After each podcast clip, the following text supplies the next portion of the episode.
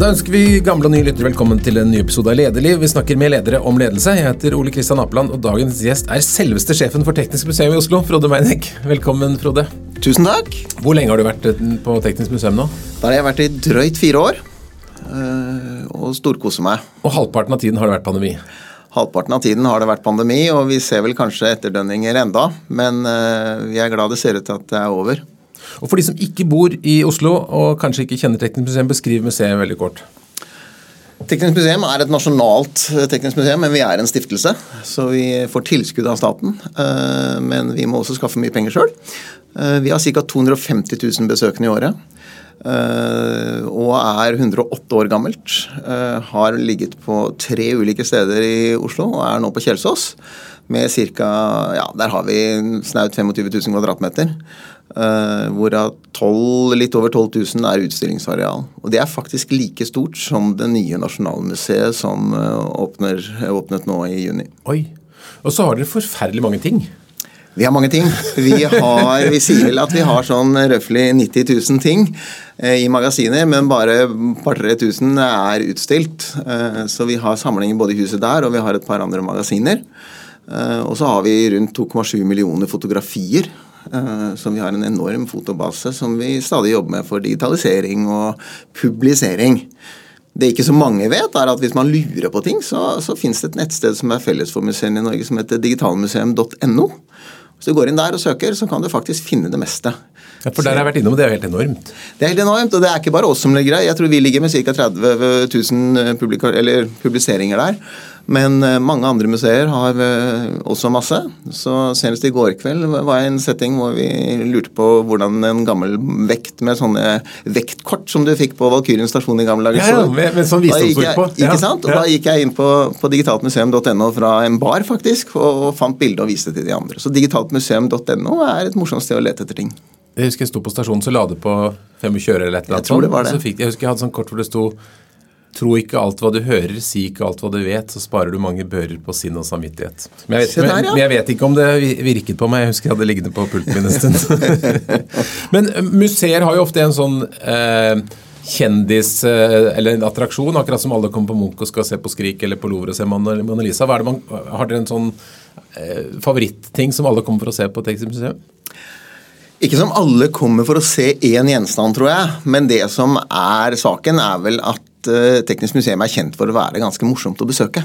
Og det er en egenart som, eh, som vi har vært opptatt av å beholde, og som jeg har lagt vekt på de siste fire årene. Også når jeg fikk lov å starte med å lage en helt ny strategi for museet når jeg begynte, så, så syns jeg det er viktig, fordi veldig mange har en positiv opplevelse av å gå på Teknisk museum. Og det er veldig morsomt for barn og unge, fordi det er mye å lære. Mye å trykke på sånn? Mye å trykke på, og sånn har det vært lenge.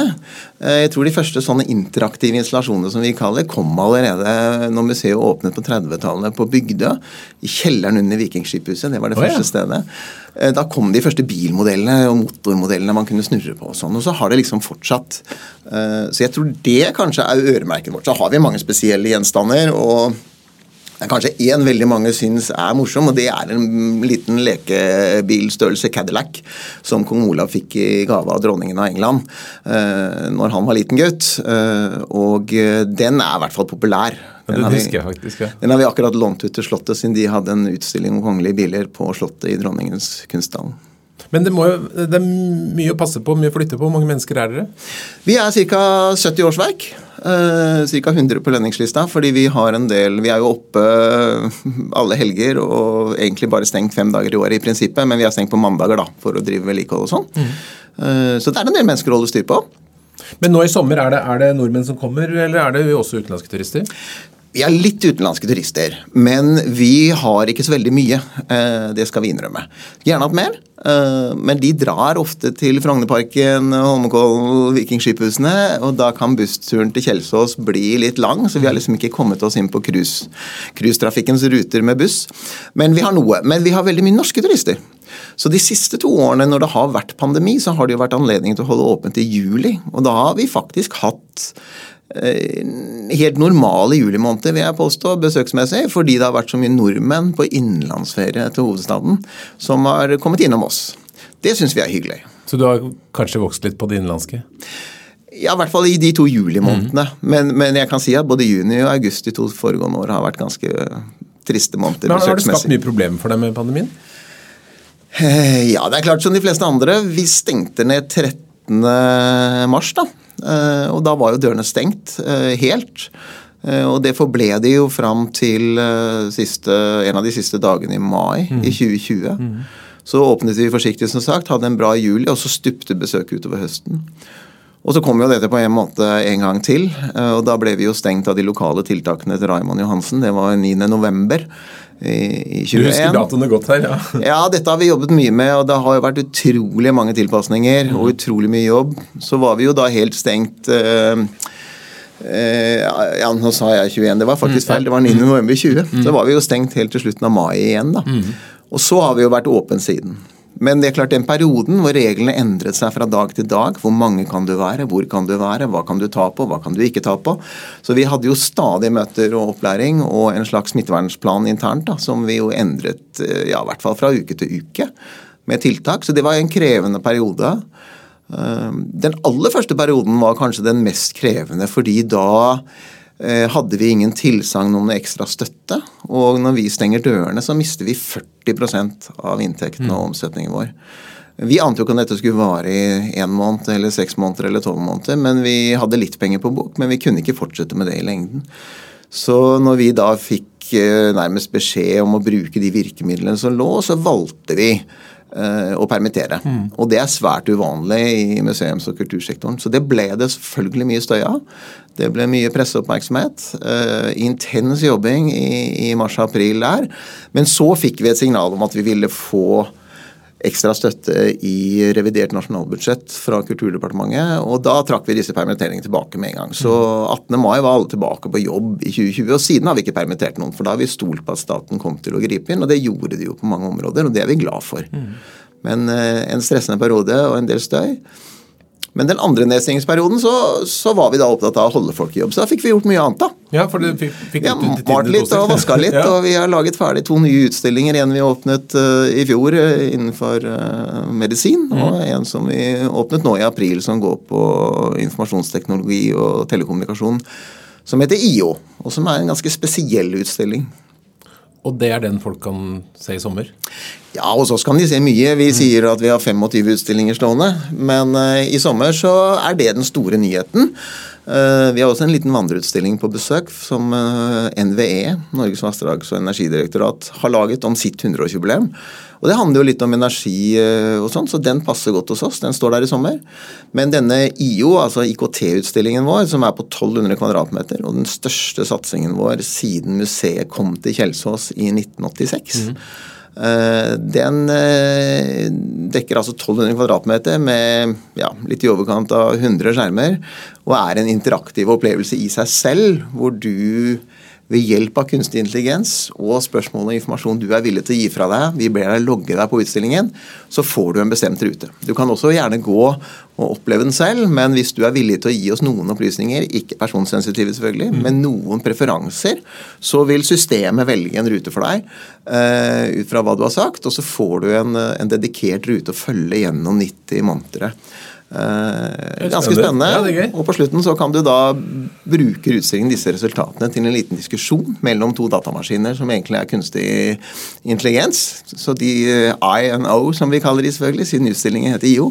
Så debatterer de med hverandre eh, med noen ord du har vært med på å velge ut. Ganske okay. spennende. Men du, eh, jeg regner med at du ikke vokste opp med en drøm om å bli direktør på Teknisk museum. Altså, hvordan, hvordan, havnet du der? Når, når, hvordan, fortell litt om løypa di. Den har gått via eiendom? Løy, løypa mi har gått via eiendom. Ja, nå skal det si Ja, ja, det, jeg skal komme litt tilbake ja. til det der med drøm. Men, men, eh, jeg har alltid vært veldig opptatt av teknologi og elektrisitet. Jeg ønsket meg stikkontakter til bursdagen ganske sånn tidlig, før jeg fylte ti år i hvert fall. Eh, og skulle bli elektriker. Eh, på et tidspunkt så tok min far en liten sånn prat med meg og lurte på om ikke i hvert fall elektroingeniør da, kunne vært uh, noe mer spennende. Jeg vet ikke hva han egentlig la i det, men jeg fulgte opp det. Så jeg var helt fast bestemt fra jeg var 10-12 år på at jeg skulle bli ingeniør. Jeg skulle studere i Trondheim, hvor mine foreldre hadde vært. Og jeg skulle studere elektro. Ja. Så ble det etter hvert elektrodata, for sånn ble linjene der oppe. Så etter en periode på gymnaset hvor jeg var mye involvert i, i revyer og sånn, og vi holdt på med teknikk, lyd og lys og midt i blinken, og jeg hadde jo loddet, og vi loddet datamaskiner på gutterommet før det var noen PC-er i salg osv., så, videre, så Uh, gikk jeg da i Trondheim i fem år. Mm. Uh, jeg var vel egentlig mye mer på Studentersamfunnet enn jeg var uh, på skolen, for å si det mildt. Jeg vet jo at det var under ti år, nei under ti dager i løpet av fem år i Trondheim jeg ikke var på Studentsamfunnet. Wow. så, så, lenge jeg var i byen. Så, så, jeg var veldig aktiv der i ulike gjenger og miljøer. Og det gikk også på teknikk. Da var det mm. lys og scene. Uh, og så hadde jeg en sommerjobb i et firma i Porsgrunn som drev med elektroting og programmering. Og fikk tilbud om jobb der når jeg var ferdig. Så da var jeg liksom kommet ut i yrkeslivet. Uh, jobbet som prosjektleder på elektroleveranser i to år. Og så kom det en spennende stilling i Vegdirektoratet om det samme. Jobbe med å lage struktur for uh, moderne veiovervåking. Nå snakker vi jo liksom før altså Dette var omtrent når køfribrikken kom. Uh, man hadde ikke så mye styring i tunneler, hadde i hvert fall ikke så mye rutine for det. Man lagde veitrafikksentralene for å overvåke de moderne veinettene. Ja. Så jeg jobbet i to år i Vegdirektoratet med det. Og så ble jeg ja, eneste gangen i mitt liv er jeg blitt headhuntet eh, som prosjektleder til Statoil for å jobbe med automatisering av tankanlegg. Så var jeg i Statoil i seks år, og i løpet av den perioden så dreide det seg fra å være teknikk og sånn til å bli eiendom i bensinstasjonsmarkedet. Eh, så jeg jobbet en del med det. Og så tenkte jeg nei, det var ikke dette du skulle. Eh, og så eh, tenkte jeg konsulent har jeg aldri vært. Så da sluttet jeg, og så slo jeg meg sammen med noen andre som hadde startet et konsulentfirma. Tenkte jeg skulle være konsulent på prosjektledelse innen teknologi. Eh, og ble første dagen eh, jeg satt der, leid inn av Telenor, og de leide meg inn i tre år. Eh, så da fikk jeg aldri prøvd det der med konsulent å hoppe fra oppdragsgiver til oppdragsgiver, som jeg var litt sulten på. da. Men etter tre år der så lyste Universitetet i Oslo ut stillingen som teknisk direktør med eiendom og alle tekniske anlegg ved UiO, og det klarte jeg ikke motstå. Så da holdt jeg på med det, for så vidt eiendom igjen. Og så kom stillingen som eiendomsdirektør i Statsbygg ut i avisen. Eh, så søkte jeg den, fikk være der i seks år. Men så dukker stillingen opp. ikke sant? Mm. Eh, sitter på et hotellrom i Trondheim og får, eh, får en MMS av en venninne som tidligere jobbet på Teknisk museum. Og så skriver hun Frode, var det ikke denne stillingen du drømte om? Og så stemmer det, fordi at når hun jobbet der for 20 år siden, så var vi der med barna. Så sa jeg fy flate, å ha vært, vært sjef for dette her måtte vært sinnssykt gøy. Så sender hun altså en melding 20 år etterpå. Så søker jeg, og så får jeg jobben. Og siden har jeg kost meg der i Men det går jo en slags eh, rød tråd i dette. Det er teknikk og litt eiendom, og du, du har lys og scene på studentsamfunnet. Altså det å iscenesette ting og vise frem teknologi og sånn. Og, så sier du du har vært i Telenor, og så nå har du vel Telemuseet som en del av ditt domene der oppe. Så det er et, et mønster her? Absolutt. Og, og, teknologi og tele og data står veldig sentralt. Jeg er nok en liten uh, nerd og gadget-freak på det der. Men når kom lederambisjonene? Når fikk du først lederoppgave? Den første lederoppgaven, det tror jeg Jeg, jeg har ikke vært noen sånn der, eh, veldig opp gjennom eh, barndommen og ungdommen på det, men, men det var vel elevrådsleder på gymnaset, mm. som for en del andre. Og da handlet det ikke så mye om ledelse. Jeg tror det handlet mer om å få ting gjort. Altså at jeg ønsket å få effektuert noen ting. Hadde sittet i elevråd, men ikke som leder på ungdomsskolen. Og, og der skjer det ingenting. Der sitter man, i hvert fall i vår tid, så, så var elevrådene der litt sånn. Da fikk du fri en mm. time i måneden for å snakke om alt det elevene burde fått, som de aldri fikk. Eh, så når jeg kom på gymnaset, tenkte jeg at sånn kan det ikke være. Så etter hvert ble jeg med i elevrådet der og ble engasjert og holdt på med det og Operasjon Dagsverk hele den tiden. Så da var vel kanskje første gang jeg fikk prøvd meg som leder. Mm. Og i Trondheim så ble jeg da leder i, i, for reklame- og sponsorinntekter i ukestyret i 1989. Ja. Også en fin ting å ha med seg videre. Ja. ja, og det var jo halvannet års jobb da, med firmaer og lede andre akvisitører, som vi kalte det, som skulle ut og selge reklameplasser og sånn. Og det, det, var en veldig fin lederoppgave. Så var jeg for så vidt bare prosjektleder i, i de tre første jobbene mine. Men på et tidspunkt så kjente jeg vel i Statoil at uh, jeg måtte ha noen nye oppgaver. Uh, og da, for Hvis ikke så ville jeg ut og prøve meg. og Da kjente jeg vel litt på det at det hadde vært greit med litt mer ansvar. Uh, hadde lyst på å prøve det. Så da gikk jeg til HR-direktøren eh, i Statoil Norge, og dette er en av de to gangene jeg virkelig har påvirket eh, karrieren min bevisst. Eh, som da var Vibeke Hammer Madsen, senere direktør i, i Virke. Ja, ja. gikk jeg til Vibeke og sa at du nå tror jeg faktisk at jeg må ha noe større utfordringer. Hvis ikke så kommer jeg til å søke meg vekk. Ja. Det er et bra grep. Mm. Ja, og det var det. Og tilfeldigvis så var da uh, Statoil inne i en slags uh, omorganiseringsfase, Statoil detaljhandel, for da skulle man bli skandinavisk. Man skulle slå sammen Norge, Sverige og Danmark til den store bensinstasjonskjeden. Uh, så gikk det faktisk bare et par dager, og så kommer en av direktørene til meg og sier at nå skulle han lage skandinavisk avdeling, og lurte på om jeg kunne bli vedlikeholdssjef for alle bensinstasjonene i Skandinavia. Mm. Det var over 1500. Eh, det var store budsjetter, det var mange mennesker. Eh, og jeg hadde ikke så lang tid på å bestemme meg. Men jeg ble helt satt ut, for det var liksom to trinn opp i organisasjonen. Jeg var 32 år, tror jeg. Eh, ble litt svett. Jeg husker jeg gikk rett ut av bygget. Og min far, som akkurat hadde blitt konsulent for seg selv i pensjonisttilværelsen, han visste jeg var hjemme, så jeg gikk rett til han. Jeg, begge deler lå på Majorstad litt sånn svett og urolig og måtte snakke med han. Men jeg visste jo svaret. Ja, ja. Jeg måtte ta den utfordringen. Hva sa faren din, da? Han sa jo det samme. Ro deg ned, dette går bra, men dette må du gjøre. Og det gjorde jeg. jeg. Eh, hadde vel den jobben i to år. Så snudde Statoil, skulle ikke være skandinavisk lenger, så da slo man det sammen igjen og skulle være landsvise organisasjoner.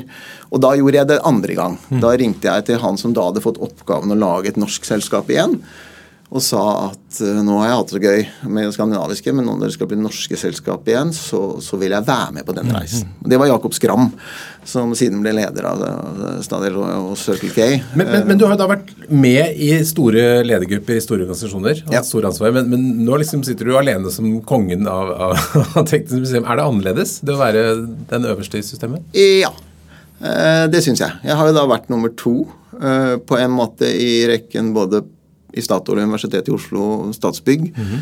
uh, og det trivdes jeg veldig godt med. Jeg har vært heldig, hatt gode ledere hele veien. Uh, og trivdes godt med det, og var veldig usikker på om jeg hadde lyst til å bli nummer én. Uh, på et tidspunkt så la jeg inn en søknad når det skulle være direktørskifte i, i Statsbygg, men den trakk jeg etter hvert. fordi jeg var veldig confident med den mhm. posisjonen nummer to. da. Men det er litt, det er litt forskjell å være den øverste. Ja, ikke sant? så etter hvert så venner du deg til tanken, da. Og så som sagt brenner jeg så for Teknisk museum og det vi holder på med. Mm. Uh, at da var jeg ikke i tvil om at det fikser du. Men det er første gang jeg rapporterer til et styre, f.eks. Mm. Uh, selv. Jeg har jo vært med på å rapportere til styrer. Men, uh, men, det er gøy å ha den dialogen. Det er lærerikt. Men så står du litt aleine når det blåser, da. Men da du møtte opp på kontoret i på Teknisk museum første gang, Hadde du tanker om hvordan du ville være som leder, hvordan du ville at de ansatte skulle oppfatte deg? Ja, jeg hadde bedt de om å innkalle til et allmøte klokka ti, da, så jeg kunne få møtt alle og sagt hei og sagt hvem jeg var. Uh, og da la jeg vel vekt på det som jeg er litt sånn opptatt av i det daglige, nemlig litt sånn åpenhet. Og jeg husker at jeg sa noe som er veldig viktig for meg, at uh, her kommer det ingen skjulte agendaer. Mm. I likhet med mange andre kulturinstitusjoner så har det vært litt sånn fram og tilbake på Teknisk museum opp gjennom årene. Eh, min forgjenger som jeg overtok etter, er vel den eneste som har fullført sine åremålsperioder. De andre har enten blitt kasta eller har avgått ved døden. Mm. Så, så, det har vært noen turbulente ting der. Så, så jeg var veldig opptatt av at uh, jeg ønsket at de ansatte skulle stole på at de skulle i hvert fall få all informasjon underveis.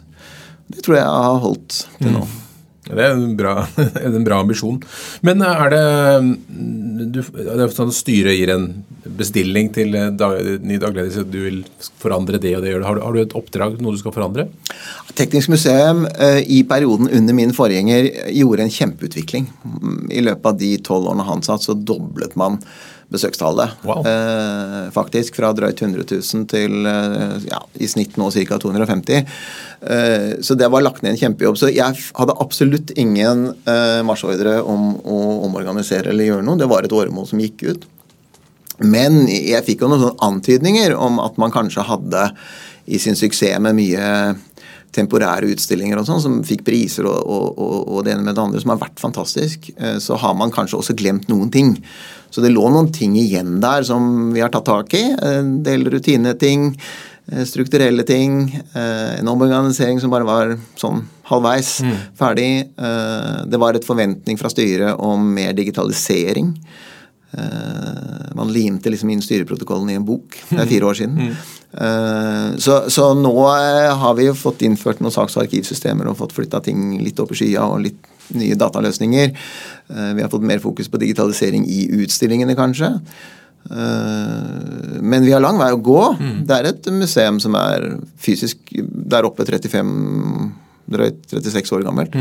Så vi har mye vi gjerne skulle pusset opp. Så for meg har det liksom vært fornyelse, fornyelse, fornyelse. Uh, og da med publikums øyne. Det må se litt fresht ut. Mm. Det har jeg vært opptatt av. Så det var et par ting som jeg kom inn i det som ble viktig for meg, som jeg tror er interessant. og de har, Det fleipes mye med det, jeg får stadig høre det internt. Men, men det, det, var et teknisk museum uten en fungerende modelljernbane. Ja. Det, det tror, jeg ikke, tror, jeg ikke, du finner noe annet sted i Europa. Så det har vi ordna. Nå har vi to.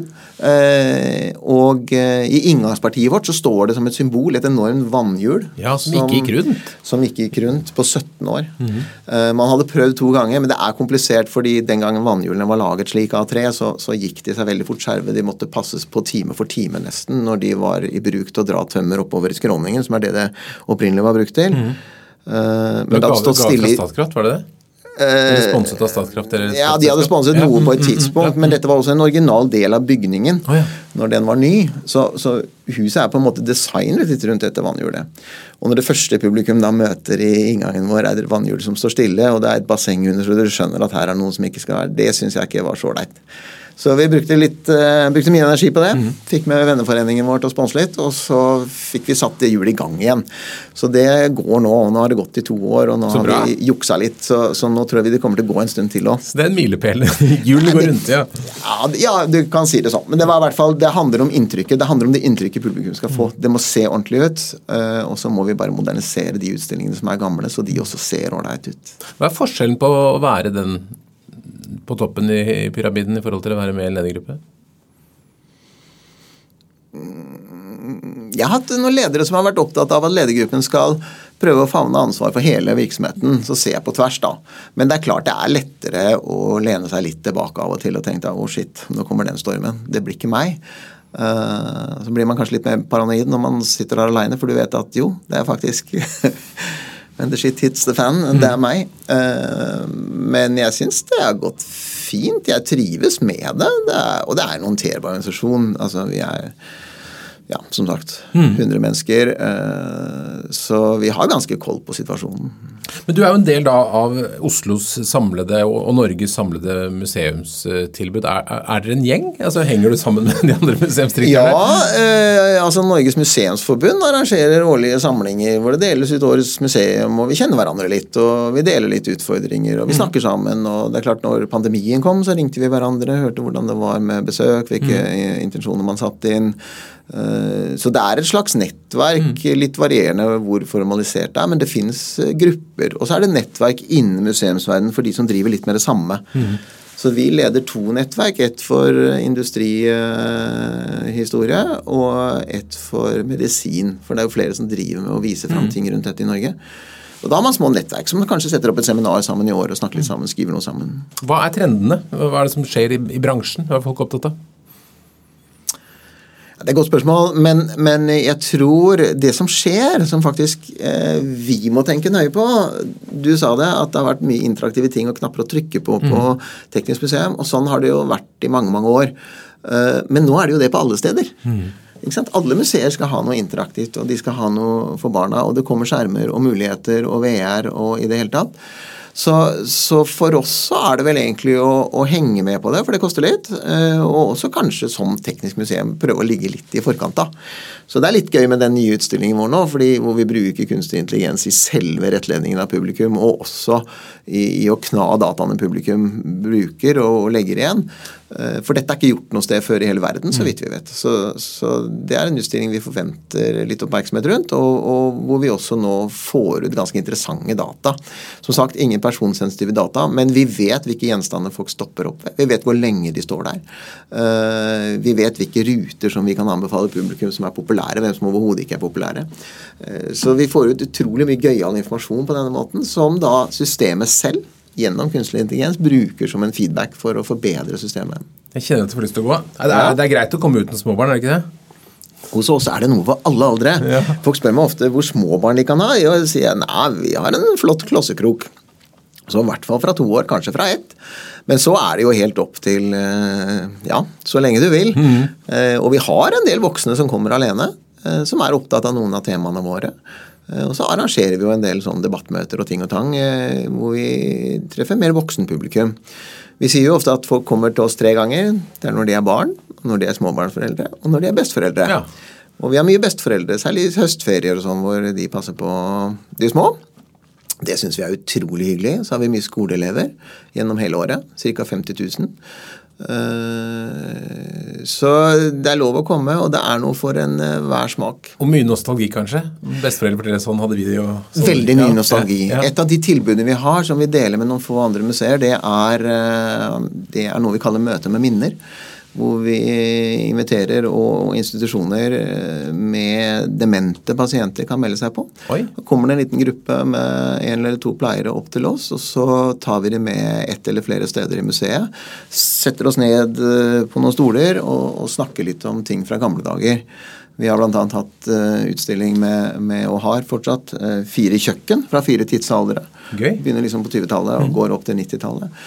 Uh, eller vi tar noen transistorradioer ulike epoker sender rundt.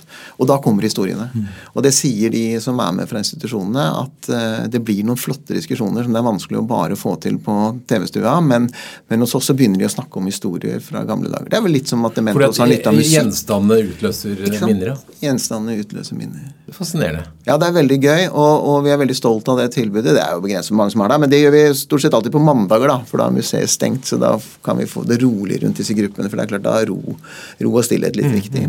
Og det er ikke ro og stillhet hos oss vanligvis. For når, eh, når ungene kommer, så, og skoleelever, så er det mye moro. Jeg tror Harald Eia en gang har sagt at Teknisk museum er bra, for der kan ungene løpe. Ja. ja, men det er jo veldig, veldig viktig. Hva er det du koser deg mest med i jobben? Jeg syns det er veldig gøy å jobbe med unge mennesker. og Vi har ganske mange unge mennesker. Og så syns jeg det er gøy å prøve å følge med hva som skjer på en del teknologiske områder, for å tenke hvor vi skal videre. Og så er jeg jo veldig glad i mennesker, da. Mm. Så det, i det hele tatt det å lede denne organisasjonen og prøve å motivere, eh, ta folk på alvor eh, Ja. Så i det hele tatt det å omgås menneskene mm. til daglig, samtidig som jeg føler at vi har et hus vi er veldig stolt av å vise fram med de utstillingene våre, det, det syns jeg er gøy. Mm. Hvordan jobber dere med markedsføring for å få folk til å komme? Ja, det er jo litt forskjellig, da. Nå det er, nok av tilbud. Det er nok av tilbud. Og det er jo kanskje det som preger oss, og det som har gjort at det tar litt tid å komme tilbake etter pandemien. Vi er vel kanskje nå oppe på 90% av hva vi hadde i 2019 da, mm -hmm. så hittil i år. Så vi, vi, sliter litt med å komme helt 100% tilbake. Men det blir flere og flere tilbud. Det åpner stadig flere ting. Enten det er underholdningssenteret Underholdningssentre eller andre museer. Eh, ting som kaller seg museum, eh, som kanskje ikke egentlig er det. Men det er flere og flere tilbud. Så vi bruker jo mye sosiale medier. Uh, og så bruker vi en del plassert uh, reklame på mm. sosiale medier. Mm. Uh, og så har jeg også insistert på at vi skal ha noen, noen, helsider i noen aviser av og til. For å minne om det, de store feriene og de store arrangementene. Så vi sprer det utover mm. mange flater, da. Men det er klart vi har litt sånn begrensa markedsføringsbudsjett. Men vi tenker at vi må prøve å nå mange. Men vi har turt i den strategien vi lagde i 2018-2019 Eh, å si at barnefamilier og skoleungdom er eh, de store målgruppene. Eh, det er der vi har mest å komme med, tror jeg, på formidling og læring. Mm. og da blir det jo på en måte litt lettere. Så skal man ikke rette reklame mot barn uten videre. Så vi jobber jo også litt med skole og skolesystemet og sånn. Hvordan, hvordan tilby mest mulig. Og det er det ikke så mange som tenker på, at uh, Teknisk museum driver en veldig stor undervisningsvirksomhet. Uh, vi har altså 50 000 skoleelever innom som får en eller annen omvisning ofte. Men, men i fjor så underviste vi også 3000 uh, skoleelever i programmering gjennom vitensenteret vårt. Og i år, fordi at det er en utfordring i skolen at kompetansen på lærerne heller ikke er så nødvendigvis så god overalt på programmering og koding. Så i år har vi 19 1800 lærere som skal gjennom etterutdanningskurs i programmering og koding eh, hos oss i samarbeid med Naturfagsenteret på UiO. Og så vet dere dere har noen ganske heftige Lego-arrangement noen ganger? Ja, vi har hatt en Lego-festival. og den har gått ofte i høstferien. Eh, og da har vi to-tre uker hvor vi låner inn et tonn med Lego fra Lego. Bokstavelig talt et tonn? Et tonn, ja. Eh, cirka. Eh, som er ganske mye. Eh, når du legger det utover langbord eller utover gulvet. Jeg tror kanskje mange familier føler at de har et tonn med Lego, men det er vel få som reelt har det. Ja, Men nei da, det blir veldig mye Lego, og da, det er kjempepopulært. Og vi har ofte klart å ha det i høstferien, og da kommer det mye folk, og så blir det mye bygging, noen konkurranser, men generelt det å fråtse i Lego er, er, veldig gøy. Eh, og da har vi også et arrangement som vi ikke har hatt nå på lenge pga. pandemien. Og vi kunne heller ikke ha Lego, for det å sitte og fikle med klosser mm. var kanskje ikke tingen uh, i pandemien. Men, men, da har vi et arrangement som vi har kalt Sent, som faktisk foregår på kveldstid med 18-årsgrense, hvor det har vært litt ølservering og debatter og den type temaer. Og i, det var vel i 2018 eller 2019 så slo vi det sammen med Legofestivalen. Så da satt det uh, ungdom og voksne og bygde Lego med en øl i hånda og hadde det kjempegøy. Så det går an å få til mye på museum. Jeg tror at voksne menn kjøper like mye Lego som barn, sånn globalt. Det er en del sånne Jeg har lest bøker om det. Det er sånne voksne Lego-fans som er veldig store på å samle og bygge osv. Et tema som vi veldig ofte snakker om i Lederliv, er jo, er jo miljø og bærekraft. Betyr det noe for dere? at det er økt interesse for bærekraft i samfunnet. Nå driver du en ganske bærekraftig virksomhet, dere tar vare på gamle ting, men, påvirker det virksomheten på noen måte? Ja, det gjør det absolutt. Uh, og uh, kan du si Vi har den utfordringen at vi sitter i et bygg fra 86, da dette ikke helt var uh, tipp toppers. Mm. Det var jo oljefyr der tidligere, den er jo selvfølgelig ute. Men vi bruker mye strøm i et dårlig bygg, så vi har vel ikke helt ren samvittighet. Men dette jobbes det med. Vi ble nå sertifisert i 2021 som miljøfyrtårn. Så nå har det virkelig kommet på agendaen internt i forhold til det. Men så har jo museet også allerede i 2007 lagde man en uh, fantastisk eh, klimautstilling som het uh, Klima X. Uh, som var ganske forut for sin tid, for det er 15 år siden. og da puttet, lagde man rett og slett et stort basseng ut av et av rommene med duk under og greier. Og så satt man en svær isblokk i midten som smeltet mens utstillingen sto. Så publikum fikk utlevert gule gummistøvler for å kunne gå rundt og oppleve utstillingen. Den ble prisbelønnet med, med flere priser. Der var jeg, faktisk. Du var det, ja? ja jeg gikk rundt med gummistøvler sammen med, med han Pachauri, han ene eh, nobelprisvinneren. Ja, riktig. Men jeg tenkte på når jeg var der, at det var en skummel ting å, å fylle så Jeg har aldri sett et bygg eh, som har turt å fylle opp liksom, et rom med, med, vann. For det var jo 30 cm eller 20 cm vann og veldig Gikk det bra? Det ingen lekkasje eller ødeleggelser? Det gikk bra. Ja, ja da. Det gikk bra. Eh, men det var noen kjølesystemer og noen greier inne i bildet som, som uh, hang der lenge etterpå som ikke gikk så bra. Men, men det, er, det, er, borte nå. Men det ble ingen store vannlekkasjer. Eh, og det var en bra utstilling. Så fulgte vi opp i 2020 eh, med en utstilling da som vi kalte Klima 2 pluss. Som tok for seg noen av elementene som vi nå vet jo atskillig mye mer om. Mm. Hvor vi valgte å, å fokusere på klesindustri eh, og malariamygg, som jo mhm. er liksom en konsekvens altså Pga. klimaendringer så får vi noen smittesituasjoner i verden. Så gjennom, gjennom klesindustri, malariamygg og en superdatamaskin fra NTH, nåværende NTNU, mm. i, i, 1986, som tre bærende objekter, så prøvde vi å diskutere med ungdommen hva skjer med klimaet. Jo, det hadde nemlig denne superdatamaskinen vært viktig for å regne på på 80-tallet. Eh, og så da hva er truslene, en av truslene da, i forhold til sykdom, og også hva kan vi tenke rundt klesindustri. Mm. Så liksom med tre sånne knaggebare da, for å henge noe på, så hadde vi en utstilling da stående om, om klima. Og som sagt, nå er, det, er vi da blitt miljøsertifisert. Og så har vi altså i sommer stående en utstilling eh, fra NVE til deres 100-årsjubileum som heter Balansekunst. Og som handler om hvordan NVE må gå denne balansen nå i forhold til naturressurser, naturfare, energi eh, og ren kraft. Og strømpriser, kanskje? Og strømpriser, sikkert. Så ja, vi gjør noe på miljøet mot mm. publikum. Og så prøver vi jo da, siden vi er miljøsertifiserte, å fokusere internt også i de tingene vi skal servere og produsere. og mm og gi til publikum. Men når du planlegger, da, jeg regner med at du har plan hva du skal gjøre neste år og året etter, sånn, på hvilken måte klarer du å, å involvere de ansatte og skape felles engasjement rundt ting? Eh, det er et godt spørsmål. Det som skjer på vårt museum, og jeg tror det skjer på mange museer, det er at det er så ufattelig mange gode ideer. Og begrenset med ressurser. Mm. Så tilfanget av gode ideer og ønske om utstillinger, det er aldri noe problem. Eh, problemet vårt er egentlig å si nei. Eh, hva skal vi gå videre på? Nå var det nok sånn, eh, Allerede når jeg begynte, så var det ganske tydelig at dette med en medisinutstilling som vi åpnet i fjor, og IKT, det lå i kortene. Det var begynt å skrives på noen notater og, og ideer. Så de kom av seg selv. Etter min tid så valgte vi å lage en temporær utstilling om månelandingen. Den var jo da 50 år gammel. Og, men da var det på en måte en enighet om at det var naturlig. Man hadde hatt det når det var 25 år. Så det var liksom, det var ingen protester på det, og styret oppfordret også til å markere det. Uh, så kom den klimautstillingen. Det var, det var, helt nødvendig at vi da, 13 år etter den forrige klimautstillingen gjorde noe på det. Så det var også bred enighet om. Uh, og så er det litt tilfeldighetene som rår også. Vi har fått et godt samarbeid nå med, med eh, Equinor fordi vi hadde behov for å fornye energiutstillingen vår. og Da er det jo ikke sånn at vi eh, skal snakke om bare om hvordan energi var i gamle dager med vannkraft og sånn. Nå skal vi jo snakke om bærekraft og tiden framover i den mm, mm, mm, utstillingen. Og Da blir det en sponsoravtale som vi har fått til med Equinor, hvor de er med på å løfte dette i regi av Morgendagens helter, eh, jo litt førende for at det er lettere å gjennomføre den utstillingen mm. enn eh, der vi ikke har noe økonomiske bidrag. For det er dyrt. Det er veldig dyrt å lage utstillinger. Mm.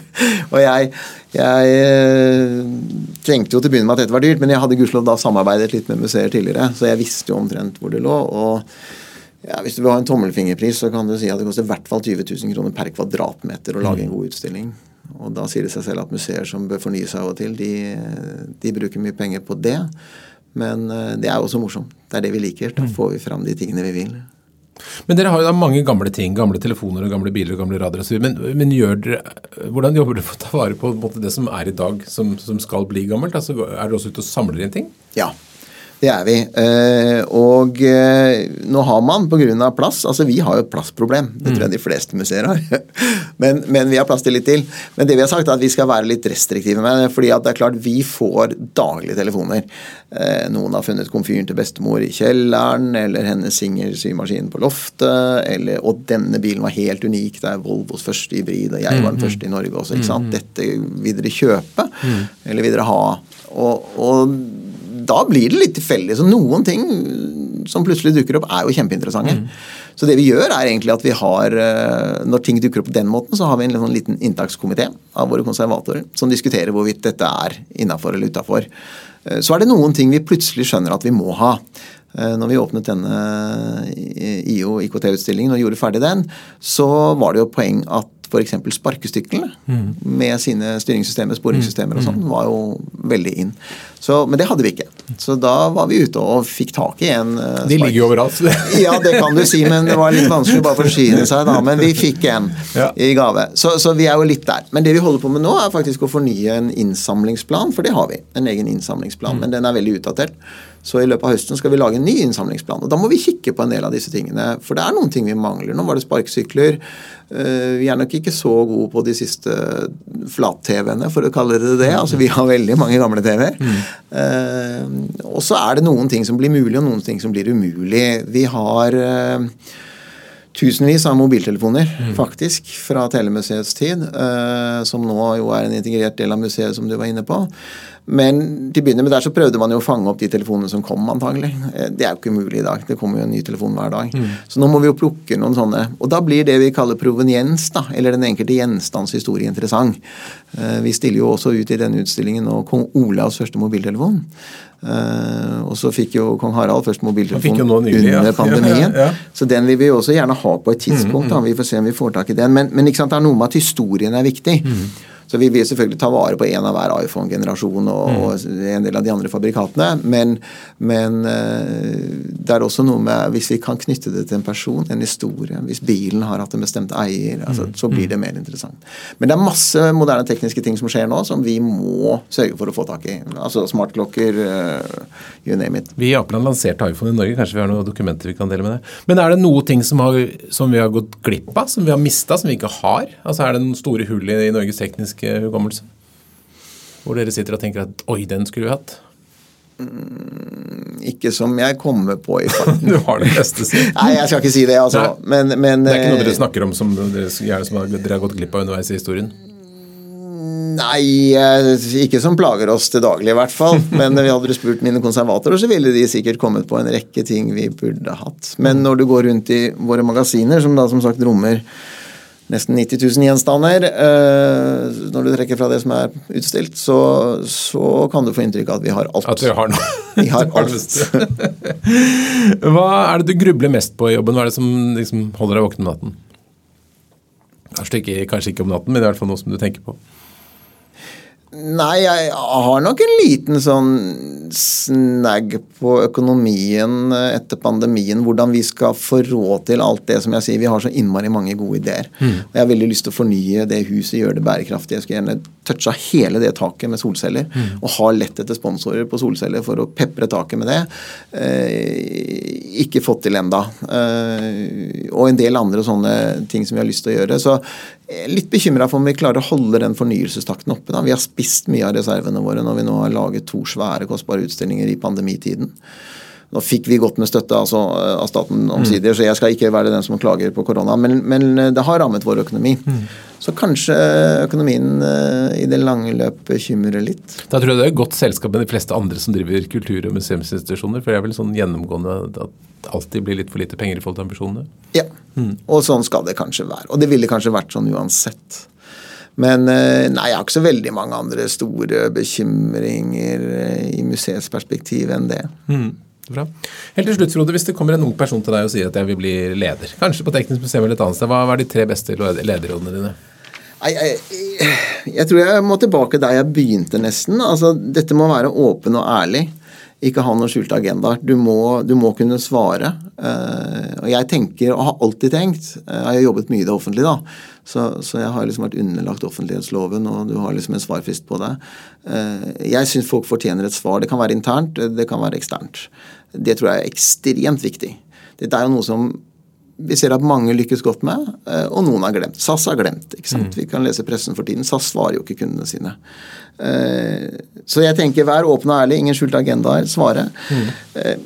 Og så tenker jeg at du skal levere. Hvis du vil være leder, da er du ofte mellomleder lenge. Da må du levere på det du påtar deg. Mm.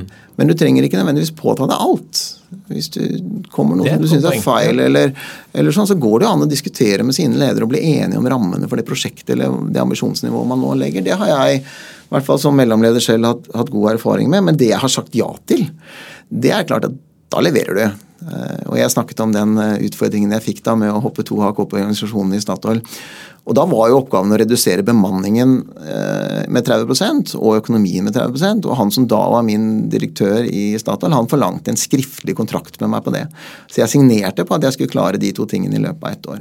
Da liker jeg å levere. Mm.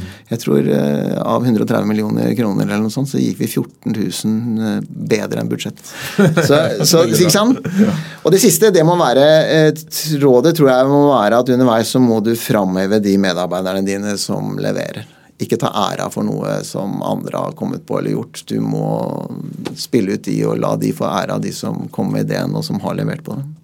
For det vil jeg tro at du kanskje har opplevd som ikke-toppleder? At noen andre kanskje over deg har eh, solt seg i noe som du har gjort? Nei, Uten ikke, å bruke navn? nei, ikke, ikke, så mye direkte. Nei. Det skal jeg ikke påstå. Jeg har ikke, jeg har ikke, noen sånne episoder hvor jeg syns det har vært uheldig. Mm. Men det er klart, alle som har vært med å levere noe innmari bra, tenker at åh, her burde jeg kanskje stått under der mitt navn også. Eh, det har jeg selvfølgelig opplevd. Men, men, nei, det er ingen som har smitt meg for æra i noe særlig grad i yrkeslivet. Det er det ikke. Helt til slutt, Har du et favorittobjekt i samlingen? Er, du, er, det, er det et favorittsted på Texas museum som du vil ansette, eller anbefale? Et godt spørsmål. Jeg hadde en gjenstand som vi nå har tatt ut av utstillingen siden vi fornyet den, som jeg pleide å vise til folk når jeg gikk rundt. Og det var faktisk en, eh, en eh, radiosender fra Hamar kringkaster. Eh, montert opp i 1926 og satt i drift i 1927. Grunnen var at når jeg var liten gutt og besøkte museet på Helsfyr sammen med min bestefar, mm. så var han litt deppa. Fordi at han fant da den, og den hadde han vært lærling på å montere på Hamar i 26. Og han fant den på museet da liksom 40 år etterpå, eller noe mm. sånt. Eh, og 45 år etterpå. Og syntes at det var trist at historien gikk så fint, så fort. Mm. Eh, den sto i utstillingen helt til nylig. Den pleier jeg å vise fram med den historien. Fordi det som skjer, er at den Super Cray-datamaskinen som jeg snakket om i sted, som mm. sto i denne klimautstillingen vår, og som nå er en del av IO-utstillingen, mm. den kom til NTH eh, i 86, og den kom til museet i 91-92.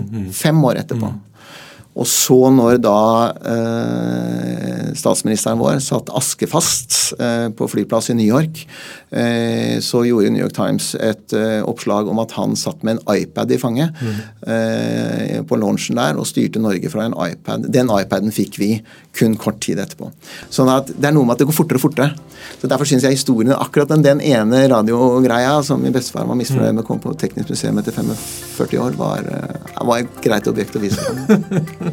Frode Merrik, tusen takk for at du kom til Lederliv. Takk for at jeg fikk komme.